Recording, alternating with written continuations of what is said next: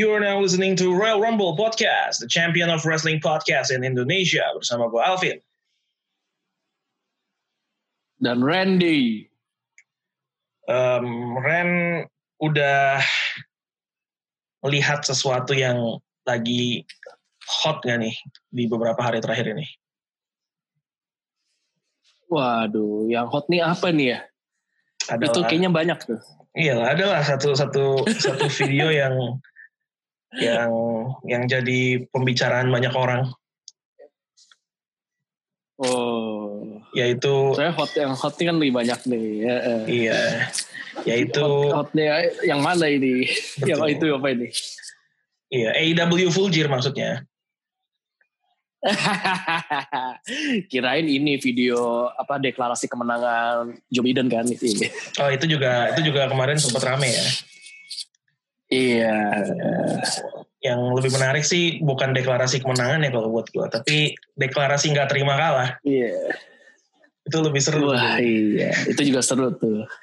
kayak itu, itu kayak kayak sebuah cerita yang terjadi di tempat yang berbeda gitu. iya kayak kayak di negara mana kayak pernah kejadian gak sih kayak gue pernah inget-inget gitu kayak Iya, mirip-mirip gitu ya Iya.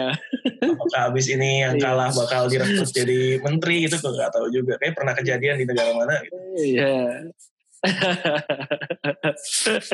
Pokoknya once upon a time pernah terjadi lah. pernah pernah pernah pernah ya tempatnya di mana kita sama-sama tahu aja lah yang nggak usah disebut Iya. Em, tapi AEW Full Gear tadi bukan tadi ya kemarin ya kemarin udah bergulir tuh. Mungkin kita lu sempat lihat gak sih? Gue nggak nggak nonton full sih tapi gue sempat lihat cuplikan-cuplikannya. Dan katanya bagus. Gue kalau gue nggak nggak lihat full, gue cuman sama lihat cuplikan cepat aja. Jadi kan memang beberapa ada yang tanding ya. Paling gue lihatnya beberapa yang aja sih menurut gue seru. Kayak misalkan kayak Derby Allin pas lagi lawan eh, si Cody gitu. Terus kayak si iya eh, terus kayak Kusida eh, pas lagi Kushida mah eh, tanding kan? juga. Eh Kusida, Sida Hikaru, Sida Hikaru, Sida Hikaru. Kushida Hikaru Sida. Ada Sida-sidanya kembali jadi Kusida. Hikaru Sida. Eh, itu Sejak juga kapan? sempat lihat gitu. Eh, sisanya yang lain sih belum belum lihat full juga sih baru tahu-tahu yang itu aja. Beberapa juga banyak yang nggak berubah kan kayak oh berubah FTR kalah FTR kalah FTR kalah betul FTR kalah, kalah sama Young Bucks. nah. dan mereka mereka mengindikasikan pamitan ya di di lewat Twitter mereka Benar benar.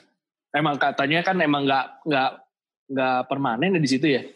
Iya, katanya memang hanya untuk uh, beberapa bulan atau beberapa pertandingan dan setelah kalah kemarin mereka sih di lewat Twitter mereka udah bilang top guys out. Itu itu kan pertanda bahwa kayaknya mereka bakal cabut. Belum tahu ke mana sih. Cabut. Hmm. Apakah ke Impact atau ke mana ke Jepang kah gitu kayak JPW mungkin. Nah, kita nggak tahu. Em, terus ada apa lagi ya di AEW Gear kemarin? Ya John Moxley retain ya lawan Eddie Kingston. Kemudian Iya. Uh, kita kemungkinan bakal ngelihat ini ini menurut gue bisa jadi potentially salah satu konflik terbaik di dunia wrestling uh, saat ini gitu ya. John Moxley versus Komi, Kenny Omega. Dan mungkin juga jadi feud paling bagus sepanjang sejarah AEW yang masih subur jagung gitu. Ya karena Moxley saat ini brilian sekali dan Omega ya salah satu yang terbaik di dunia. Iya. Ini kisah lama yang akhirnya diangkat lagi nih ya. Iya betul. Waktu itu sempat sempat dikit-dikit ya, sempat satu match ya. Iya. Sempat ini cuma akhirnya udah sampai situ aja ini baru diangkat lagi nih. Ngomong-ngomong, eh ya gimana? Jadi kasih nasibnya si Adam itu gimana tuh? Hank Adam. Adam itu. Adam Page kayak sesuai julukannya Hangman yang lagi hanging aja dia nggak tahu gimana nanti berikutnya mau ngapain. Iya iya iya iya. Gak jelas mau ngapain.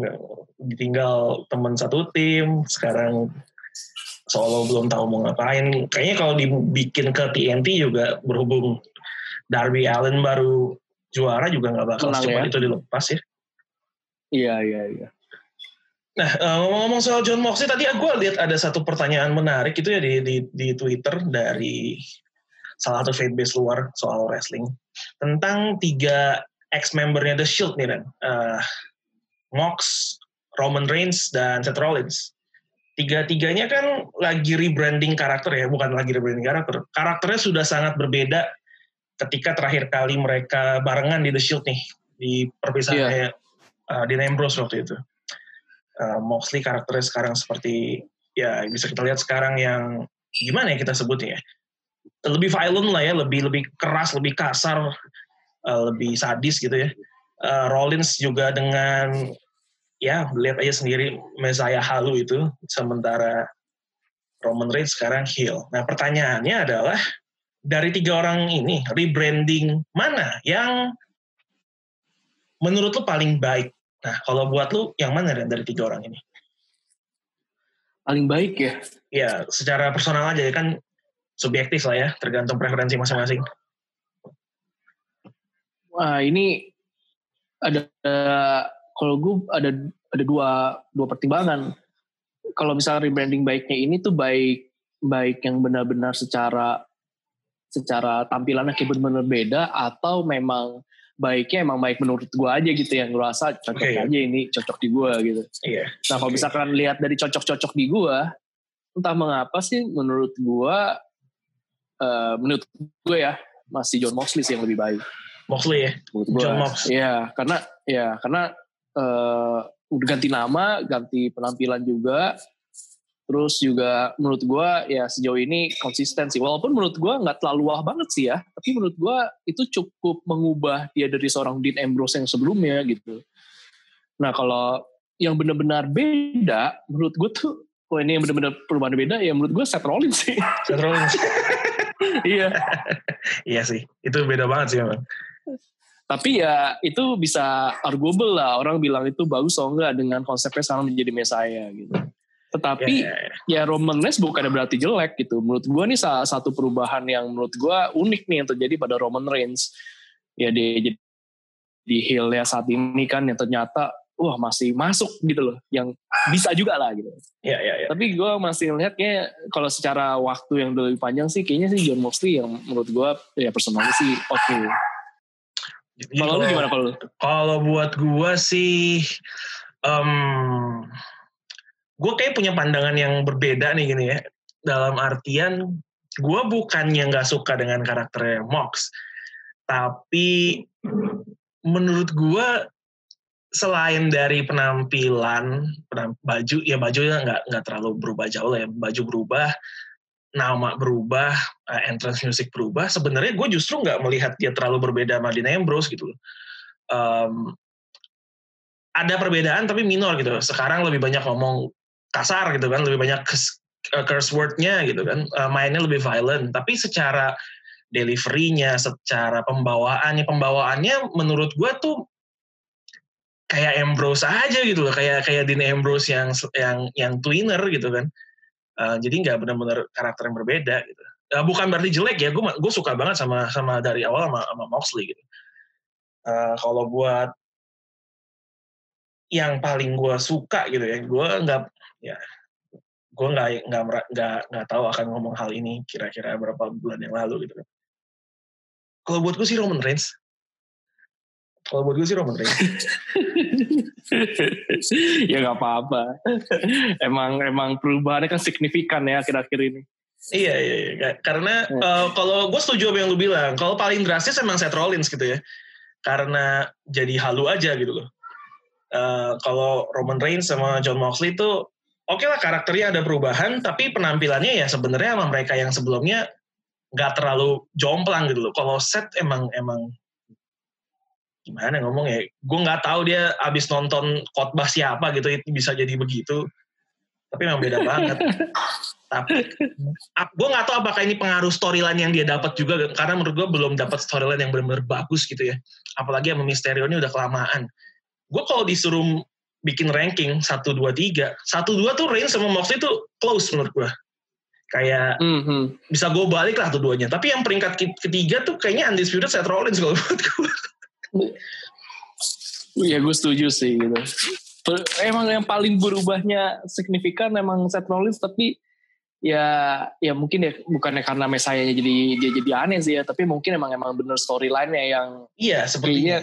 kurang mendorong gimmick barunya ini jadi lebih wah gitu. Ya, bener, gue setuju sih gue setuju. Bener. Padahal waktu itu kan gue bilang kalau secara personal gue di antara tiga member The Shield ya favorit gue Seth Rollins sebenarnya. Cuma ngeliat karakter yang sekarang kayak pengen ngelus dada gue dan ada orang yang ada orang yang lagi di video viral itu Waduh. John Moxley maksudnya. John Moxley kan habis menang sama Eddie Kingston kemarin viral tuh. Iya. Waduh viral ya iya. Viral, viral. Kirain kan uh, kirain kan ini ada yang lain kan. Joe Biden. Iya. Dengar lebih creepy gak sih dibanding jawaban yang sebenarnya kita tahu gitu. Gue pengen ngelus dada Joe Biden tuh kayaknya terdengar lebih aneh. Lebih menyeramkan. Lebih menyeramkan dibandingkan yang coba kita plesetin. Ya tapi oke okay lah, uh, tadi itu cuma sekedar intermezzo aja. Kalau gue sih uh, lebih demen transformasinya Roman Reigns gitu ya, karena ini yang yang kita serukan dari bertahun-tahun lalu. Uh, kita mau Roman Reigns heel. Kalau Randy favoritnya adalah masih John Moxley karena memang secara waktu juga lebih panjang ya transformasinya berhasil. Sejauh ini juga masih jadi AEW World Champion. Oke, okay, uh, itu tadi soal AEW Full Gear. Kita masuk ke WWE seperti biasa. Kita masih merupakan pengikut sekte ini walaupun arahnya semakin tidak jelas, tapi nggak apa-apa karena ketidakjelasan itu jadi bikin banyak topik pembicaraan. Uh, yang pertama nih Ren, uh, Survivor Series sudah sebentar lagi nih, udah bentar lagi Survivor Series. Uh, member timnya juga sudah beberapa udah terisi. Satu pertanyaan yang cepat aja sebenarnya. Menurut lu, apakah Survivor Series ini masih menarik atau cukup prestisius buat lu ikutin itu? Seberapa excited lu tentang Survivor Series? Survivor Series, nah ini sih ya, ini menurut gue PR penting juga nih buat WWE. Gue gue ngerasa sih nggak terlalu excited ya. Uh, mungkin karena bingung juga nanti pada acaranya itu yang ngapain gitu objection di lastnya sebenarnya apa gitu. Gue kayak kayak kebingungan gitu sih nanti. Ini mah kayak jadi kayak acara uh, annual occasion aja yang emang harus dilakukan gitu loh jadi ya. Iya, iya, Jadi gue emang kalau ditanya seru atau enggak, gue ngerasa sih kayaknya wah ini belum tahu sih. Tapi arah-arahnya sih kayaknya sih agak agak begitu-gitu aja.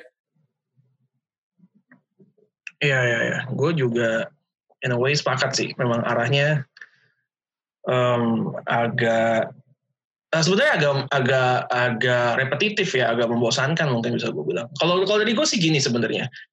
Uh, Survivor Series kan memang di selalu mengenai satu hal yaitu brand supremacist. Uh, Raw versus SmackDown biasanya. Tahun lalu yeah. ada iya. NXT juga. Um, tapi makin kemari gue merasa kayak brand supremacist itu udah nggak terlalu segitu agungnya sampai superstar superstar ini mati-matian untuk mempertahankan uh, reputasi brandnya masing-masing lewat sebuah PPV gitu. Menurut gue udah udah nggak relevan.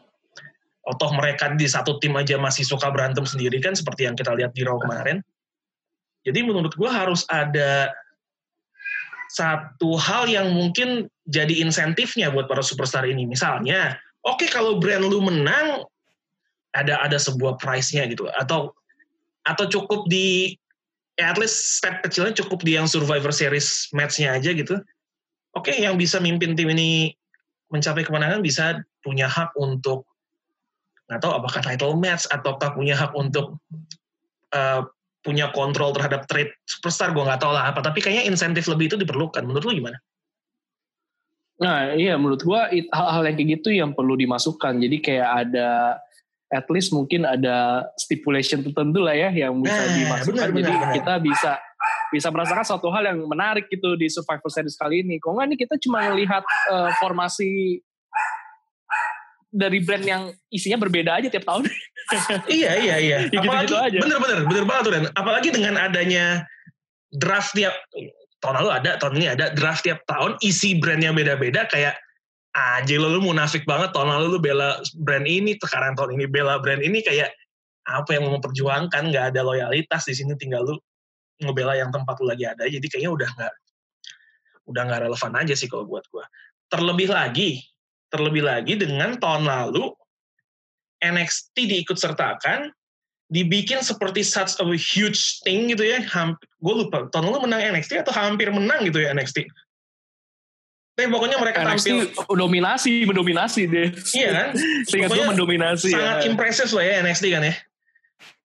Bahkan di Survivor Series match-nya aja tuh eh, last man standing yang dieliminasi sama Roman Reigns adalah Keith Lee yang waktu itu masih di NXT. Jadi Iya, impresif banget. Eh iya. tahun ini tiba-tiba udah nggak ada kabar di drop gitu aja. Itu juga pertanyaan sih buat gue sebenarnya. Benar, benar, benar, benar. Aneh aja sebenarnya. Pokoknya lu siap-siap aja deh. Nanti formulanya begini nih. Nanti setelah timnya udah udah kebentuk nih semua semuanya dari Raw sama SmackDown. Siap-siap aja nanti ada yang nyerang-nyerangan. Invasion angle ya. Kita tinggal tunggu aja. Iya, iya, iya. benar. Tiap tahun selalu ada. Tunggu aja. Heeh, sungguhan itu. Aduh itu Betul. kayak apa ada ritual itu loh. Udah udah udah ritusnya Survivor Series. Iya, coba kita recall ya. Apalagi yang kira-kira dilakukan. apalagi yang kira-kira selalu terulang di Survivor Series tiap tahunnya. Eh, oh ini satu tim isinya bisa orang yang lagi berkonflik gitu, yang lagi musuhan. Itu bisa-bisanya secara Bener, bener, kebetulan bener, mereka bener, satu bener, tim gitu. bener, bener. Anjing banget. Bener. Itu ngerusak banget itu pasti. Setuju, setuju, setuju, setuju, itu setuju. itu itu selalu ada, itu selalu ada. Selalu ada, selalu ada. Yang ujung-ujungnya akhirnya ada konflik lagi. konflik dalam konflik. Iya benar. Lagi Survivor Series bisa berantem sendiri lah. Gue inget banget dulu pas eh Dean Ambrose lagi konflik sama AJ Styles. Mereka satu tim Survivor Series. Eh, terus di tengah-tengah kayak, ya kita reunion The Shield loh. Padahal Roman Reigns sama si Rollins lagi di Raw. Cuma demi biar AJ Styles goler. Itu kan jadi kayak, anjir lah lu ngomongin brand supremacist lu kerja sama aja nggak bisa. Tiap tahun tapi selalu ada yang gitu. Iya, iya, benar-benar. Selalu, selalu, selalu.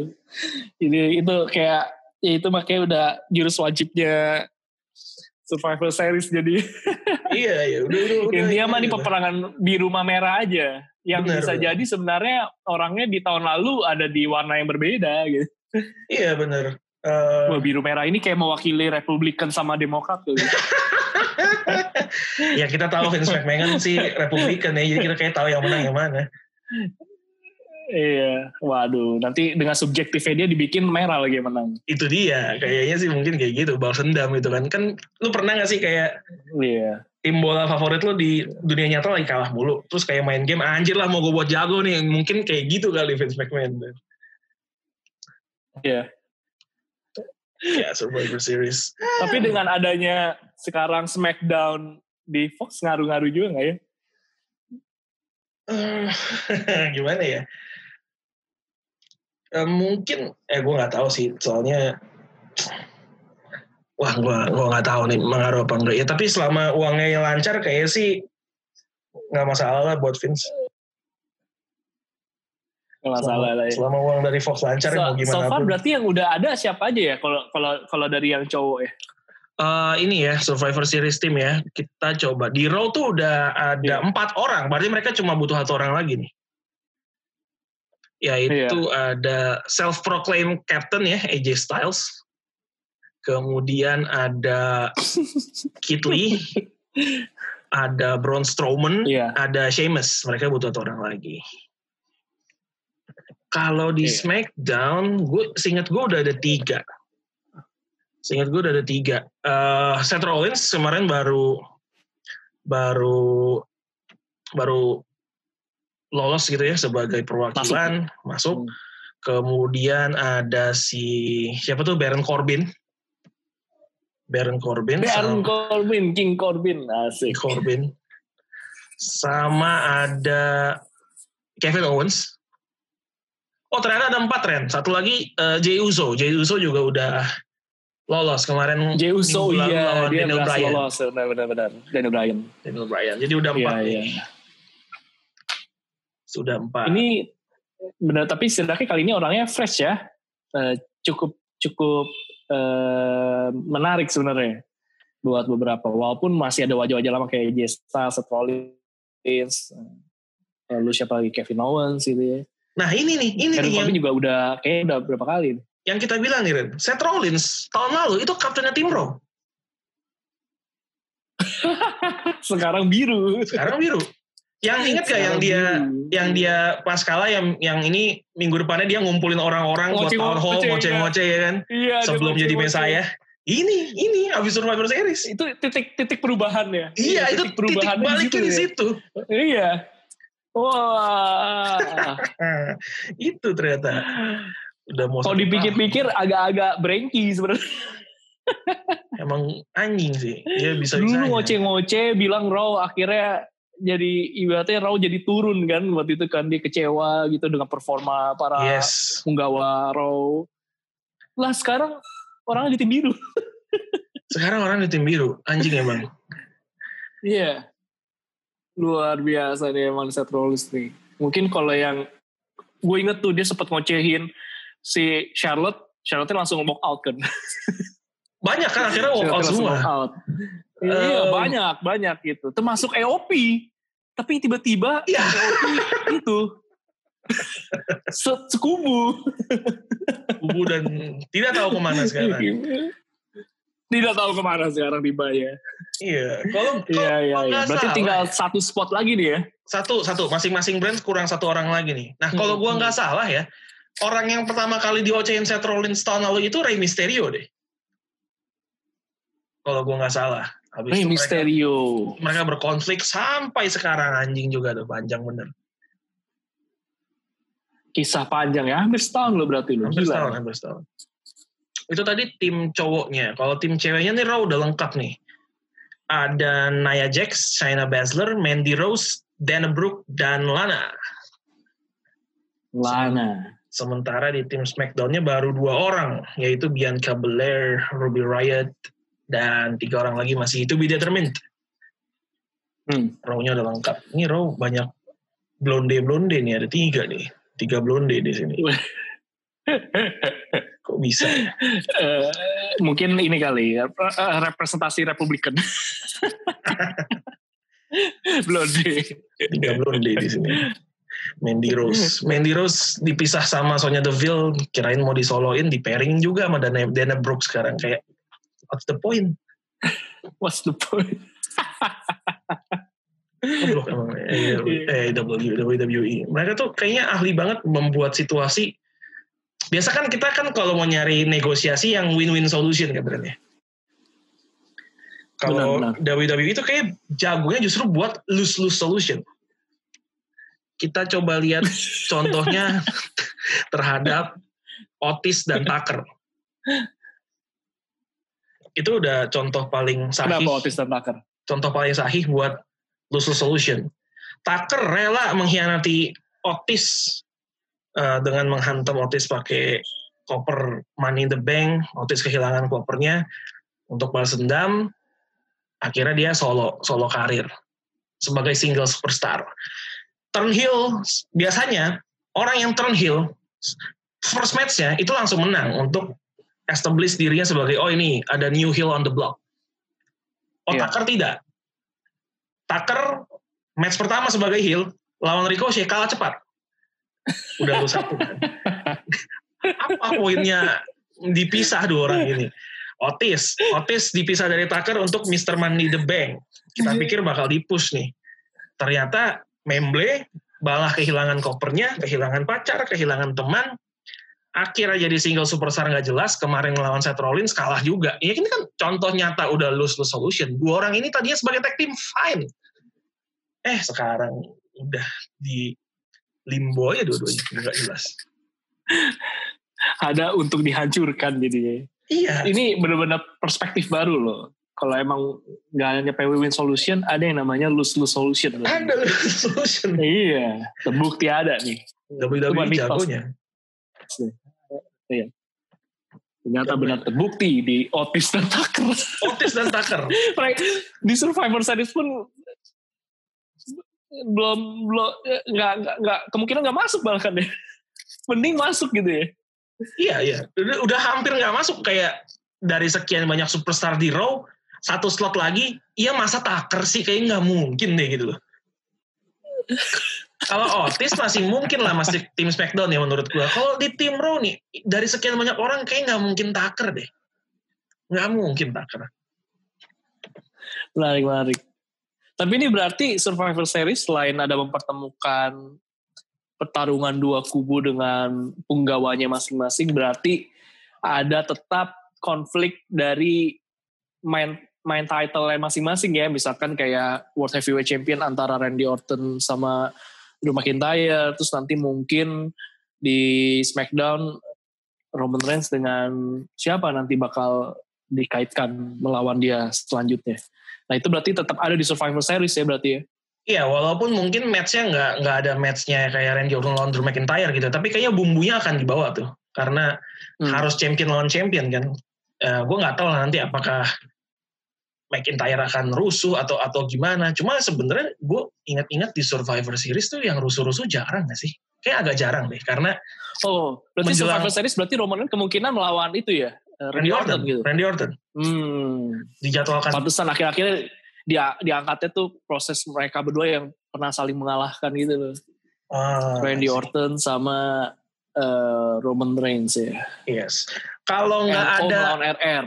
Kalau nggak ada perubahan gelar juara sih, hmm, champion-champion yang sekarang akan akan melawan satu sama lain nih. Ini ada Bobby Leslie lawan Sami Zayn, yaitu United States Champion lawan Intercontinental Champion kan. Kemudian tag yeah. teamnya New Day lawan Street Profits. Uh, kemudian Asuka lawan Sasha Banks. Wah ini pasti pecah sih Asuka Sasha Banks. Kemudian ya Randy Orton lawan Roman Reigns. Cuma gue nggak tahu nih nanti. Biasanya kan gue nggak ngerti gimana. Apalagi kalau yang penantangnya adalah face gitu ya. Menjelang Survivor Series itu seminggu sebelumnya tiba-tiba jadi kompak aja. Jadi oh udahlah kita lupakan dulu rivalitas kita membela brand dulu. Bisa aja kayak gitu. Iya, iya, iya, iya, iya. Bisa jadi, bisa jadi. Ini yang justru unik adalah Street Profits nanti melawan New Day ini menurut gue. Yes. Setelah begitu akrabnya bertukar gelar, akhirnya mereka akan saling berhadapan. Akan saling berhadapan. Walaupun, walaupun um, menurut gue New Day agak bahaya posisinya karena kemarin kalah dari Hurt Business. Iya, iya. Bisa jadi sebelum business. Survivor Series ada pertukaran juara nih karena kayaknya Hurt Business juga lagi going strong banget ya kemarin menangnya pun uh, ada distraction distraction ya tapi clean gitu meyakinkan distraction hmm. doang tapi meyakinkan sekali dan gue nggak heran sih dan nggak akan kecewa juga kalau misalnya akhirnya yang jadi Raw Tag Team Champion buat maju ke uh, Survivor Series adalah The Hurt Business gitu. Iya. Hitung-hitung lebih ini ya nunjukin uh, ini bukan stable ala-ala gitu kan. Dulu kan ada Bobby Leslie juara itu apa? Uh, juara United States Champion kali ini ada juga juara tag team. Ini udah agak-agak ini ya, agak-agak undisputed era ya. Kurang yes. juara kurang juara itunya aja heavyweight champion. Iya, walaupun buat MVP agak susah sih ya kalau buat mungkin, gak mungkin. Gak mungkin. udah cukup puas dengan dengan dengan United iya. States yeah. Tag Team aja lah udah. sulit sulit kalau yang WWE Champion sulit. Iya. Nah ini yang makin gak jelas jadi emang retribution ya jadi. Iya iya iya. Kayak iya. ada yang bilang retribution dibentuk untuk diumpankan kepada Hurt Business ada yang bilang kayak gitu. Lebih banget kayaknya. Udah set up lebih panjang ya padahal ya retribution. tapi ternyata disiapkan tuh the hard business luar biasa. Oh, oh, oh, ngomong-ngomong soal retribution, ternyata ada yang menarik. Uh, Miaim, uh, kita tahu kan Miaim sekarang sedang berperan sebagai apa gitu kan di di di WWE iya, gitu iya. kan. Wanita bertopeng. Wanita bertopeng gitu kan. Di, di Twitter seolah-olah nggak terjadi apa-apa. Dia ngucapin ke Kitli santai aja gitu. Happy birthday my love Kit Kitli kan kayak anjing lu. Seakan-akan gak terjadi apa oh, bangsat. Kayak gue mikir tuh Kitli emang orang segoblok itu gitu sampai nggak bisa nggak ngeh gitu ya bahwa reckoningnya retribution tuh adalah uh, kekasihnya gitu ya soalnya soalnya ini nih makanya sebenarnya sebenarnya apa soalnya apa uh, retribution kan membernya punya dibikinin Twitter baru kan untuk untuk ini mereka sendiri kan untuk persona mereka yang baru iya kan. iya yeah. memang si Miyai ngucapinnya lewat account at Miyayim WWE. Betul, betul. Hmm. Cuma kan kita tahu gitu loh. kita tahu. Apakah Kitty nggak tahu gitu? Agak aneh. itu seolah-olah kayak itu kayak orang bikin uh, apa ya alter ego ya biasa gitu kan. Tapi iya, ketahuan gitu loh. tapi ketahuan. Tapi ketahuan. Udah udah gak asik ya. Tapi ini menurut gue emang lebih susahnya Vin. Ternyata tuh emang lebih menantang tuh menjadi superstar WWE dibanding jadi selebritas Hollywood. Karena kenapa? Kenapa, kenapa? ketik ya ya karena ketika lagi menjalankan peran itu tuh kalau ketahuan nih misalkan nih katakanlah ada ada ada film kayak misalkan film James Bond lah nanti lah ya No Time to Die gitu Rami Malek menjadi musuhnya si Daniel Craig gitu kan si James Bondnya ya kalaupun mereka sekarang Twitter Twitteran ya orang cuek-cuek aja gitu loh mereka saling mention mention gitu kan ah, ya udah ah, tahu yes. ini sama-sama case-nya gitu ya, tapi ya, kalau ya. di sini bahaya sekali. Sulit ya. sulit, sulit, sulit, sulit. Iya, menurut gue itu memang agak gimana ya, agak ya men, yang menantangnya dari dari para superstar WWE adalah kayak oke okay lah, Twitter gue nih sebenarnya gue pribadi gue sebagai seorang manusia apa harus gue pergunakan sebagai gue sebagai seorang superstar gitu loh selama nah, ini kayak campur aduk gitu loh kayak mereka udah dua-duanya dipakai. Cuma kan jadi agak aneh aja buat gue kayak bener. Seth Rollins abis abis dia melukai matanya Rey Mysterio bisa berikutnya dia ngomongin soal American football. Menurut gue kayak eh anjing lu tuh kan abis bikin celaka orang kok bisa bisanya dengan santainya lu ngomongin hal lain gitu seolah-olah gak terjadi apa-apa. Jadi agak lucu aja sih. bener bener itu padahal dalam konteks masih akun yang sama ya. Gimana yang punya akun dua yang kayak Yem itu yang bikin absurd lagi. Orang kayak punya bipolar. Lagi yang personality A dia kemari, lagi yang B dia kemari. Iya, iya, iya. Ya. Problemnya cuma satu itu sebenarnya. Topengnya kurang luas gitu menutupi wajahnya tidak bisa menutupi wajah dan tidak bisa menutupi rambut. iya, kalau itunya bisa ketutupan semua, mungkin kita masih bingung-bingung lah, ini siapa. Yeah, mending pakai gitu. helm full face, lebih ketutup semua kan. Jadi geng motor tuh nanti. ini kan jelas dia, gitu. Aduh matanya dia, ini kan semua dia kayak ya Allah. Masih yeah, lebih nggak yeah. ketara si ini ya si siapa tuh si uh, Diomadin.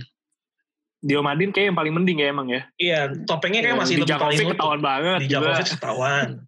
eh Ren, tapi seenggaknya, seenggaknya di Djokovic potong rambut. Iya, iya, iya, iya. Seenggaknya di Djokovic Masih ada bedanya dikit lah ya. Ya ini masih warna rambutnya aja ketahuan ya gitu kan. Ini rambutnya aja gak ganti warna. Ya dia dengan biru gitu, apa berharap kita mikir itu Sasha Banks? Gak mungkin kan. Matanya udah beda banget.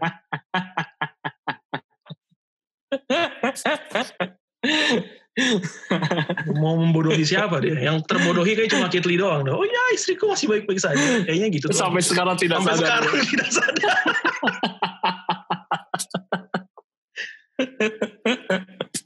Makanya Kitli akan turun di mata gue kalau kalau WWE beneran mau ambil angle itu gitu ya. Kalau beneran dibuat kayak misalnya retribution nyerang nih terus buka topeng itu ada Kitli terus dia kaget ngeliat istrinya tuh menurut gue anjing, kaget gitu. anjing Kitli lu sampah banget anjir. Jangan jangan gini-gini banget lah. Kalau mau bikin gak kenal sekalian dah gitu loh udah. Pamornya rusak. Rusak rusak. Yang limitless gitu udah nggak ada nggak ada. Brainless sekali lu kalau begitu mah bukan limitless lagi. Jadi jadi pertanyaan lu sebenarnya lu sebenarnya kenal gak sih pacar lu siapa? Itu dia. Mendingan kalau dari awal udah ini bikin aja bikin aja nggak kenal gitu ya on screen bikin aja nggak kenal. Udah mendingan kayak gitu deh dibandingkan dia ntar kaget. Akan tolol banget. Itu bener-bener ngakak juga sih itu. Iya iya iya. Retribution aduh aduh. Retribution gue pikir Ali masuk akan meningkat tuh ternyata Alinya yang turun. Kayak udah segitu bebannya retribution ternyata. Nggak ngangkat nggak ngangkat. Iya iya benar benar benar. Nih ya coba. Tapi selihat kalau kembali ke Survivor, uh, Survivor Series kayaknya lebih secara melihat tampilan isi nih khususnya dari cowok yang udah benar-benar kelihatan ya udah empat lawan empat nih tinggal masing-masing kurang satu. Menurut tuh lebih meyakinkan mana secara isi Oh buat uh, kira-kira lebih unggul yang mana ya? Iya iya. Um, gila kalau secara isi sih kayak tentu tim pro ya. Kalau dari Iya, secara isi. iya, gila ya. Heavyweight semua gitu. Kayak Itu bener-bener gahar ya isi-isinya ya. kayak dua lawan lima juga juga bisa deh. Lu kirim Kit sama Braun Strowman aja gitu. Kayak udah cukup. Iya. Gila itu ada Braun Strowman, ada Keith Lee, ada AJ Styles sama Sheamus gitu. Sheamus, bener. Ini akan lucu kalau kalau satu membernya lagi badannya juga raksasa gitu kan. Karena Kit Lee, Sheamus, Braun Strowman kan badannya gede-gede gitu ya. Kalau satu lagi badannya juga gede, raksasa empat, kaptennya AJ Styles. Kayak, lu yakin kaptennya yang ini gitu kan. Kayak Retribution juga nih.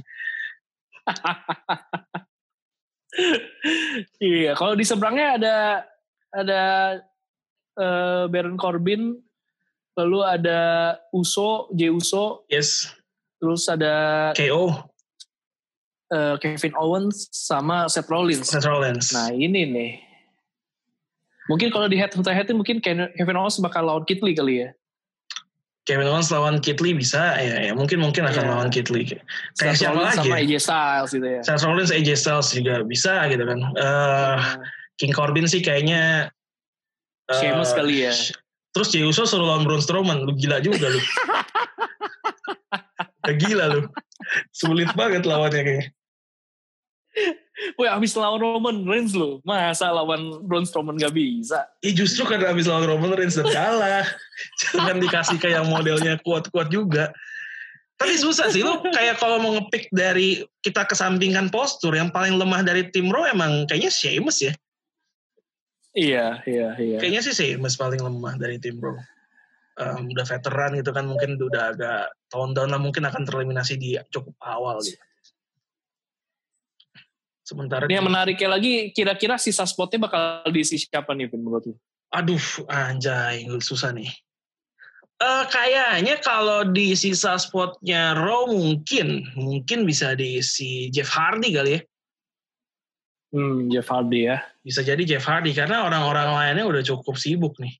Kayak eh Randy Orton, Drew McIntyre, The Miz, John Morrison sama The Finn pastinya udah sibuk sama title-nya Randy Orton gitu kan.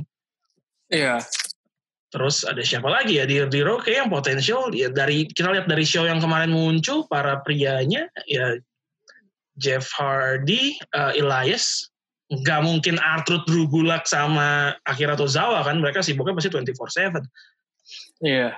Atau salah satunya ya perwakilan Retribution bisa juga Mustafa Ali misalnya. Antara Jeff Iya, atau iya. salah satu Retribution sih menurut gua. Atau MVP. Iya, kalau dari SmackDown Dari pasti ada siapa Smackdown, namanya? Smackdown mungkin bisa um, Otis atau Daniel Bryan yang kemarin kalah atau yang belum muncul lagi mungkin ini ya Matt, Matt Riddle Matt Riddle tuh di Raw atau Smackdown gue lupa Di SmackDown deh harusnya ya. Smackdown ya harusnya sih nggak pindah ya kayaknya Iya. Yang jadi Riddle itu ya sekarang ya. oh enggak enggak Riddle di Raw sekarang Oh Riddle di Raw sekarang. Pindah Oh Raw. berarti dia mungkin bisa masuk ke tim Raw nggak dia? Um, mungkin sih, cuman lihat dari berapa minggu nggak pernah nongol, terus kalau misalnya Nongol, tiba-tiba nongol, pertanyaan akan, ya? Iya, akan pertanyaan sih buat gue. Iya, namanya jadi Riddle sekarang. Emang anjing. Namanya jadi Riddle. Uh, Mustafa Udah korban sekian. udah korban kesekian, udah korban kesekian. Cuma yang menarik, uh, Matt Riddle dipotong jadi Riddle, sementara Ali balik jadi Mustafa Ali, dan Shorty Iya. balik jadi Chad Gable. Ya Riddle. kan goblok ya menurut gue kayak hmm, agak aneh. Oh iya ngomong-ngomong soal Chad Gable itu emang orang juga agak kasihan sih gue. Dia kemarin sempat jadi sempat di segmen dia ganti nama itu menurut gue wah ada harapan nih Chad Gable akan comeback dan mungkin di push ke mid card ya karena dia kan ngomongnya I can't be Shorty G anymore. Yeah, I can't win against siapa kemarin Sheamus ya kalau. I can't win as Shorty G. There's only one man who can win and his name is Chad Gable. Uh, keren banget menurut gue tuh segmen. Setelah segmen itu, Ren, gak pernah muncul. Gue, aduh ampun dah.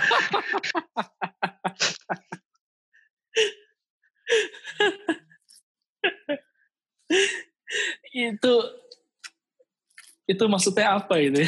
kan kayak kesannya kalau gue nonton film superhero kayak superhero-nya udah menunjukkan nama, eh abis itu lah ke mana gitu, nggak nggak nggak nongol nih, nggak klimaks jadinya loh. Itu udah udah kalau grafik udah naik naik naik naik, terus belum sempat puncak dia udah turun lagi. Sian sih Cak. Iya iya iya iya. Agak-agak ini ya, agak-agak Captain Marvel gitu ya. Wah kalau nonton Captain Marvel kesannya wih ini bakal peran penting banget nih di di Avenger Endgame nih. Ternyata tidak terlalu signifikan. Betul sekali. ya, ya ini ya itu ya, ya kuat sih, kuat sih dia. Tapi Kuat ya. nggak nggak signifikan signifikan amat. Nah, Sama kayak ini ini kali ya. juga mirip-mirip nih ya. Iya, sama kayak ini kali ya. eh, penyebab matanya si Nick Fury ya. Oh iya iya iya. iya. Kita kira bakal mau kenapa. lah ya. Anjing, cakar kucing. Ternyata dicakar kucing. Chad Gable udah ngomong keren-keren, tiba-tiba nggak nongol. Nanti sekali yang nggak nongol nggak signifikan. Sekali nongol kalah cepet gitu kayak Tucker. Sedih. Sedih-sedih.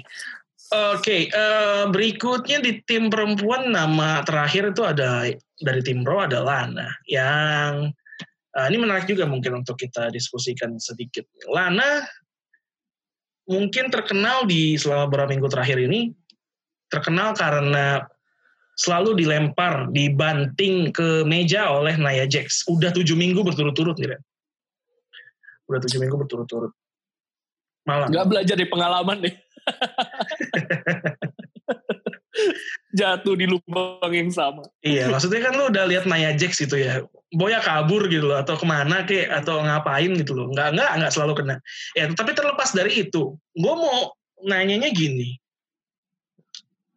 Ini di luar uh, show-nya ya, ini di pengambilan keputusannya WWE sebagai sebuah company gitu.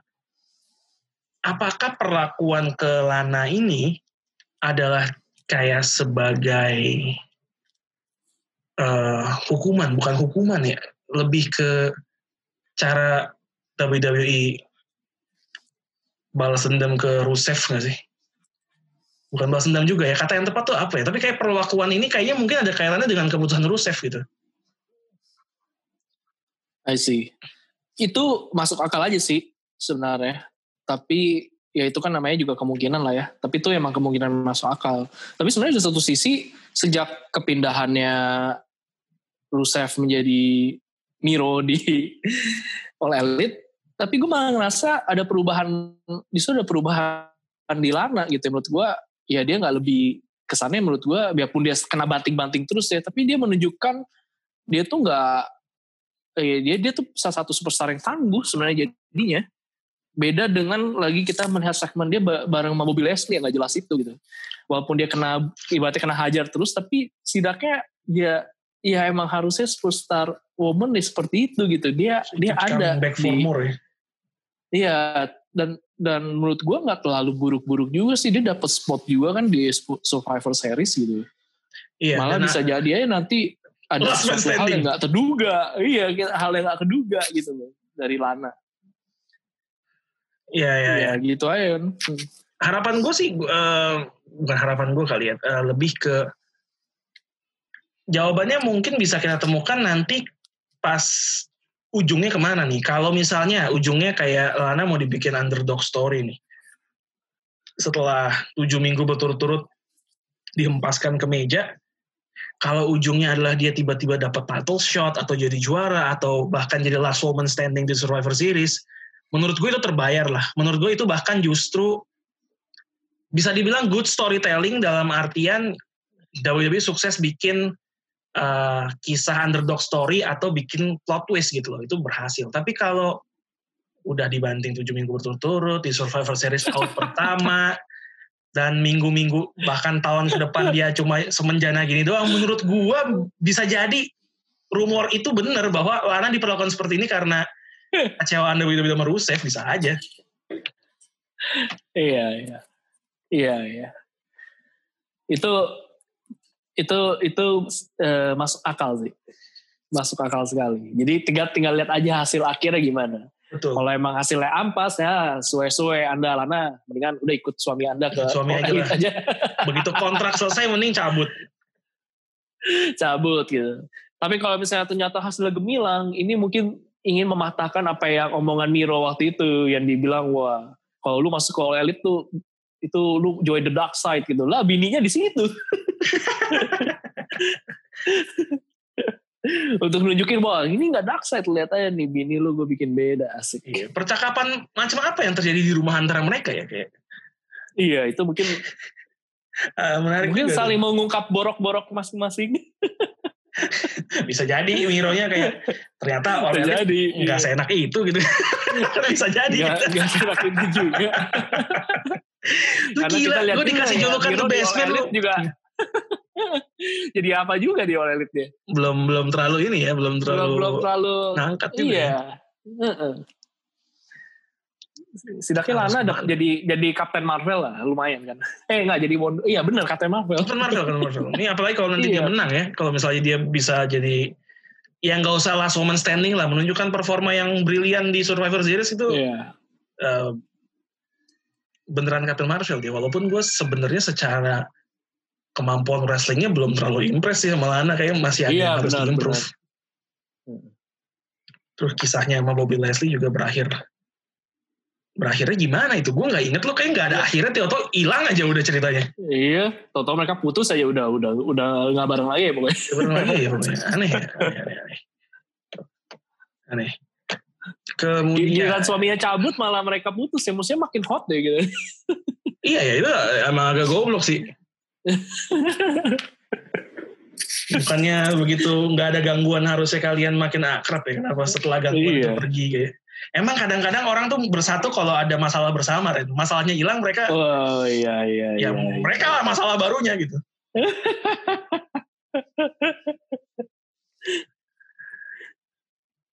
Kita pindah ke NXT. Kalau begitu kita pindah ke NXT karena ada the new stable di NXT yang sedang naik daun. Namanya The Kings of NXT. Asik. Mereka memproklamirkan diri namanya The Kings of NXT. Dan mereka punya dendam terhadap Undisputed Era. Makanya mereka melakukan semua hal yang minggu-minggu lalu mereka lakukan. Isinya Iya, ada iya, iya. Pat McAfee, Pete Dunne, Oni Lorcan, dan Danny Burch. Kings of NXT ini hebat ya mereka serangannya kayaknya nggak terlalu gimana banget gitu tapi Adam Cole bisa hampir sebulan loh outnya hebat juga mereka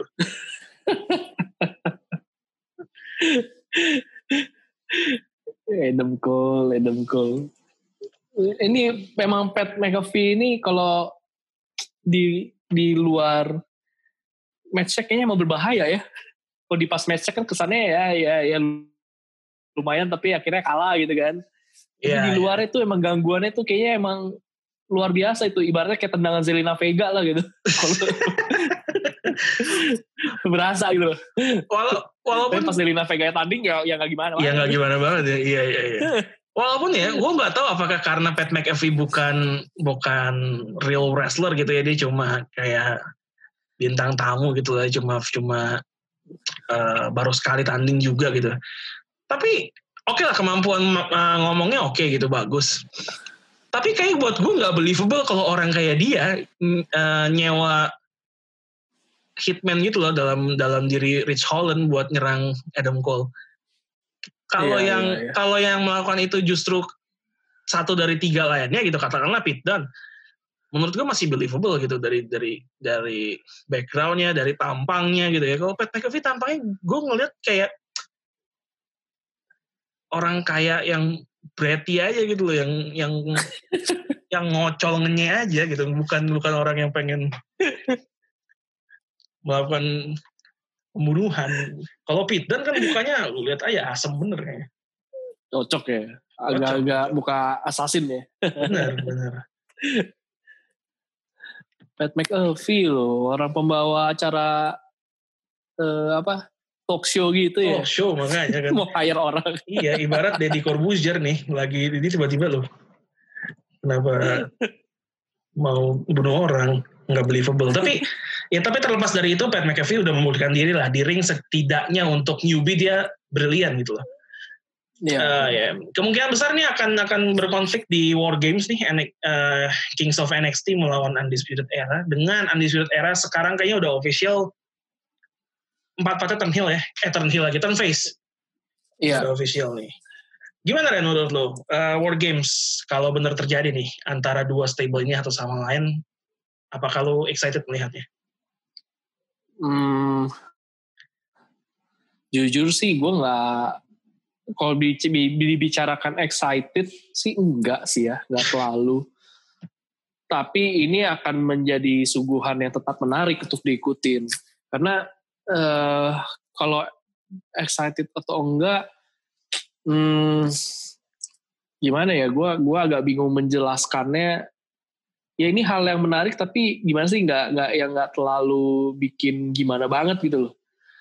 Kayak apa ya? Kayak sesuatu hal yang kita lihat tuh ya ya undisputed lagi nanti melawan siapa melawan siapa.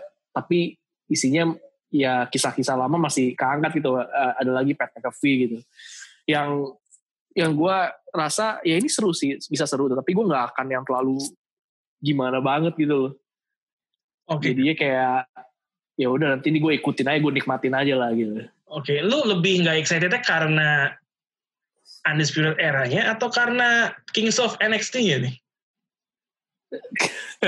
uh, satu bukannya berarti gue bosen ya ya karena ini cerita tentang undisputed era lagi gini ini kisah lanjutan gitu ya kita okay. ikutin lagi aja nih undisputed era akan menjalani storyline apa lagi gitu terus yang kedua memang menurut gue uh, Kings of NXT ini juga tahu nggak kayak nggak akan umur panjang lah ya umurnya Enggak lah, kayaknya sih nggak uh, panjang sih. Stable ini kayaknya iya kan uh, untuk mengisi cerita aja gitu kan kayak juga Pat McAfee-nya juga nggak mungkin lama juga di NXT ya gue ngerasa ya ini ini ya seling ya kayak langsung kayak dapet ya ini selingan aja sih gitu jadinya hmm, ya entah siapa yang menang pun gue juga nggak tahu sih tapi ya ini hanya cerita yang patut diikuti aja gitu tapi nggak nggak terlalu yang bikin gimana banget Iya, yeah. uh, gue setuju Pat Pat Mac, Pat Mac lagi Pat McAfee itu nggak nggak lama gitu ya. Bahkan gue masih ada kecenderungan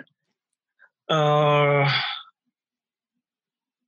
bahwa Pat McAfee ini tuh sebenarnya backup plan Ren. Kayaknya mungkin ada orang lain mungkin di posisi dia ya untuk bikin stable ini. Tapi nggak tahu gue apakah cedera atau apa atau perubahan plan nggak tahu gimana. Oh gitu. Nggak tahu. Gue gue cuma feeling gue doang ini eh, nggak uh, tahu cuma cuma feeling gue doang kayak karena kayaknya nggak make sense gitu buat Pat McAfee tiba-tiba out of nowhere bikin stable gitu kan agak aneh aja gitu. Iya. Dan karena yang benar lu bilang tadi ini juga kayaknya stable ini nggak akan lama gitu ya. Dan karena fakta itu membuat gue merasa ini sih kayaknya cuma buat diumpanin ke Undisputed Era aja di War Games gitu. Biar rekornya Undisputed Era di War Games meningkat dan it's due long overdue buat Undisputed Era join ke main roster. Kayaknya mungkin momennya ya habis War Games kali, gue nggak tahu. Tapi mungkin yeah, mereka mau yeah, meninggalkan yeah. Uh, NXT dengan rekor War Games yang lebih baik gitu kayaknya ini sih akan akan kalah Kings of NXT ini ya. Isinya dengan segala hormat gue buat Oni sama Denny gitu. Tapi kayaknya yang believable bisa ngimbangin UI itu cuma Pit Dan aja gitu. Iya, iya. Beda ceritanya kalau misalnya UI ini akan dilawanin sama katakanlah Imperium gitu. Tiba-tiba Walter dan kawan-kawannya bisa ikut War Games Imperium melawan Undisputed Era ini ini akan jadi cerita yang beda. Walaupun Undisputed yeah. Era lagi, tapi ini dua stable penguasa satu di Amerika atau di UK menurut gue akan seru gitu. Tapi karena isinya seperti ini, ya gue sama kayak lu sih. Ya, yeah. mari kita ikuti. Cuma dibilang excited banget, nggak terlalu juga. Hmm. Benar, benar, benar, benar. Kalau sama UK seru lah ya. iya, sama Imperium itu, itu baru seru pasti. Itu baru intens, so intens. Bakal intens. Mungkin mungkin nah itu mungkin bisa di, di kalau Survivor Series Raw dan SmackDown jadi ajang brand supremacist, kalau Imperium lawan Undisputed Era mungkin bisa jadi nasionalisme perwakilan, perwakilan iya. negara gitu loh. kayak itu kayak lebih, iya, lebih iya, membara iya. tuh konfliknya bisa jadi tuh. Iya. Dan sesuatu hal yang baru juga ya, makanya itu jadi fresh banget itu. Betul. Mm. Ya, mudah-mudahan uh, pandemi cepat membaik gitu ya. Jadi uh, Walter dan kawan-kawan rekan-rekan dari NXT UK bisa cepat ke US lagi untuk untuk melakukan beberapa proyek bareng kan sebelum pandemi si Walter emang udah hadir kan untuk Tadinya Iya. mau konflik sama Finn Balor, tadinya ada juga rumor sama Undisputed Era, cuma karena pandemi harus batal semuanya. Ya mudah-mudahan cepat bisa balik lah. Eh, berita terakhir yang menarik mungkin ada berita duka cita ya. Datang dari dunia WWE. Di mana kita baru saja kehilangan tank dari Shotzi Blackheart.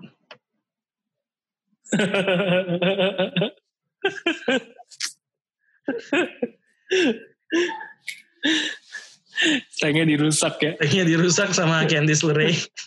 Sedih banget.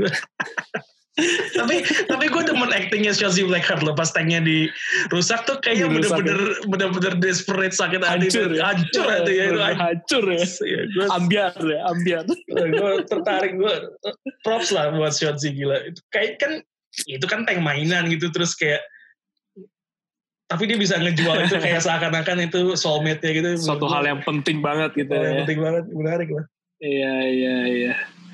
Iya, itu itu seru juga sih itu. Shot, Shotzi Blackheart. Iya. Blackheart. Dan itu juga Tony Storm ya, uh, lawan Tony Storm yang baru saja bergabung dengan NXT US. Sebelumnya dia adalah former NXT UK Women's Champion. Uh, gimana pendapat lo Ren soal Tony Storm? Impressed? No? Wah, menurut gue nih akan menjadi suatu hal yang menarik sih. Kalau misalkan Impress sih menurut gue ini salah satu eh, superstar dari divisi wanita yang menurut gue cukup menarik gitu.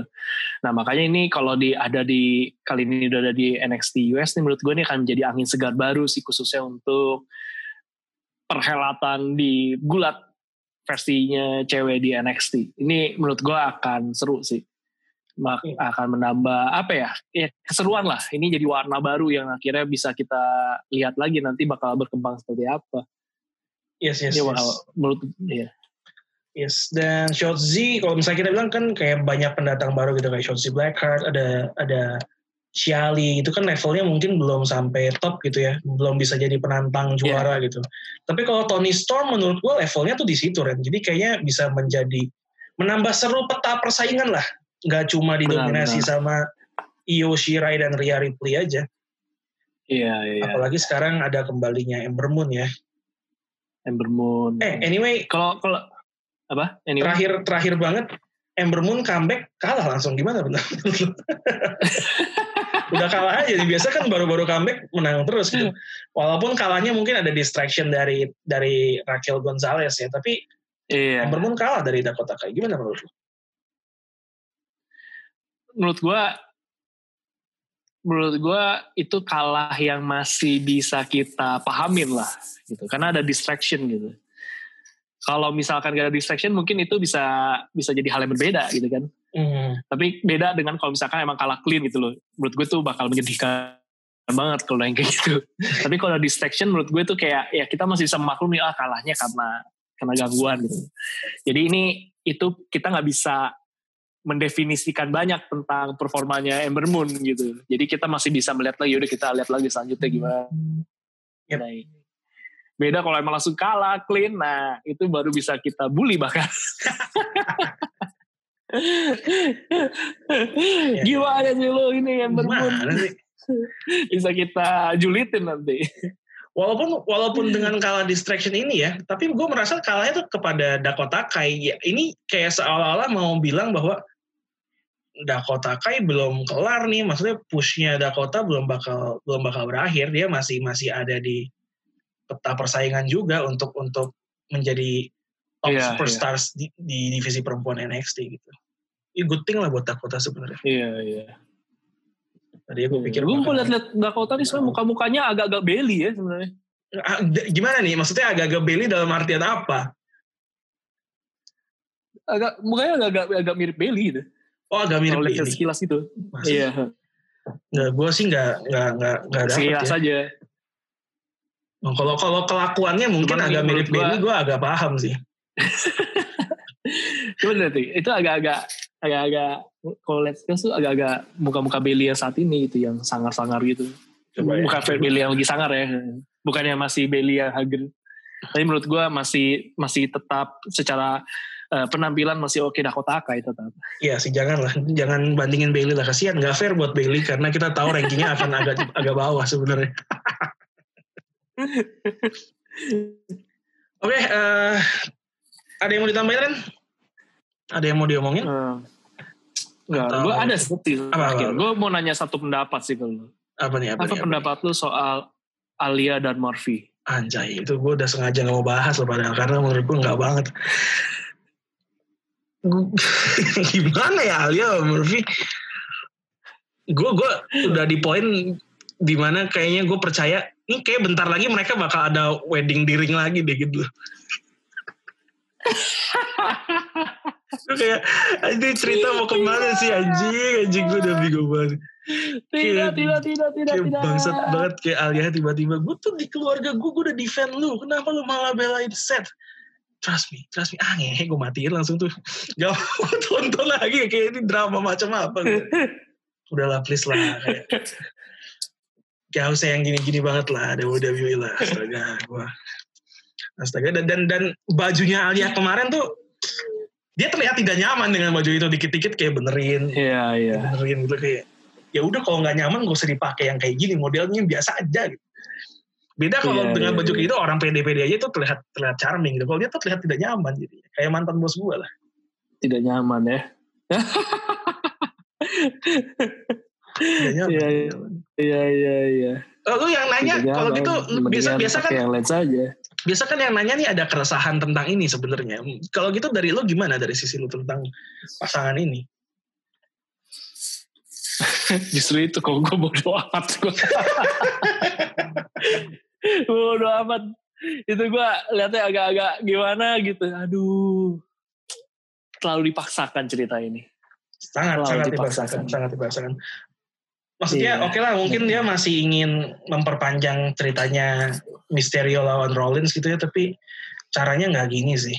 Udah lah mendingan dikelarin aja tuh konflik cepet-cepet ya udah udah udah udah menurut gua ya karena menurut gua cerita ini akhirnya menutup Dominiknya sendiri juga hmm, betul tapi ya ditutupnya dengan kisah yang begini yang nggak terlalu gimana banget gitu yes. ya mendingan explore lagi Dominiknya bisa ngapain gitu Iya ya, momentum momentum Dominiknya jadi agak hilang sih.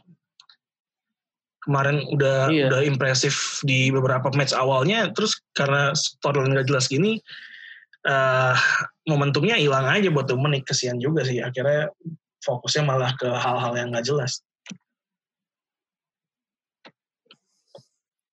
Sedih. Udah mudah-mudahan ya, paling itu aja sih bro ya mudah-mudahan hmm. cepet. Lenyap lah story-story kayak gini lah. Kita udah lihat Bobby Leslie sama Lana ujungnya kayak gimana gitu. Nggak belajar sih WWE emang. Nggak pernah belajar Mudah-mudahan segera dihentikan. Dihentikan betul sekali. Oke kalau gitu terima kasih sudah mendengarkan Royal Rumble Podcast episode terbaru bersama gue Alvin dan Randy. Nanti kita tentunya akan jumpa lagi di match-match yang akan datang, di show-show yang akan datang dengan episode terbaru kita.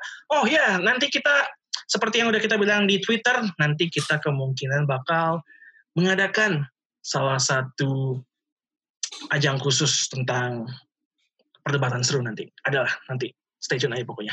Oke, okay, thank you sudah mendengarkan Renal Podcast. Jumpa lagi minggu depan bersama gue Alvin. Dan gue Randy. And you can believe that.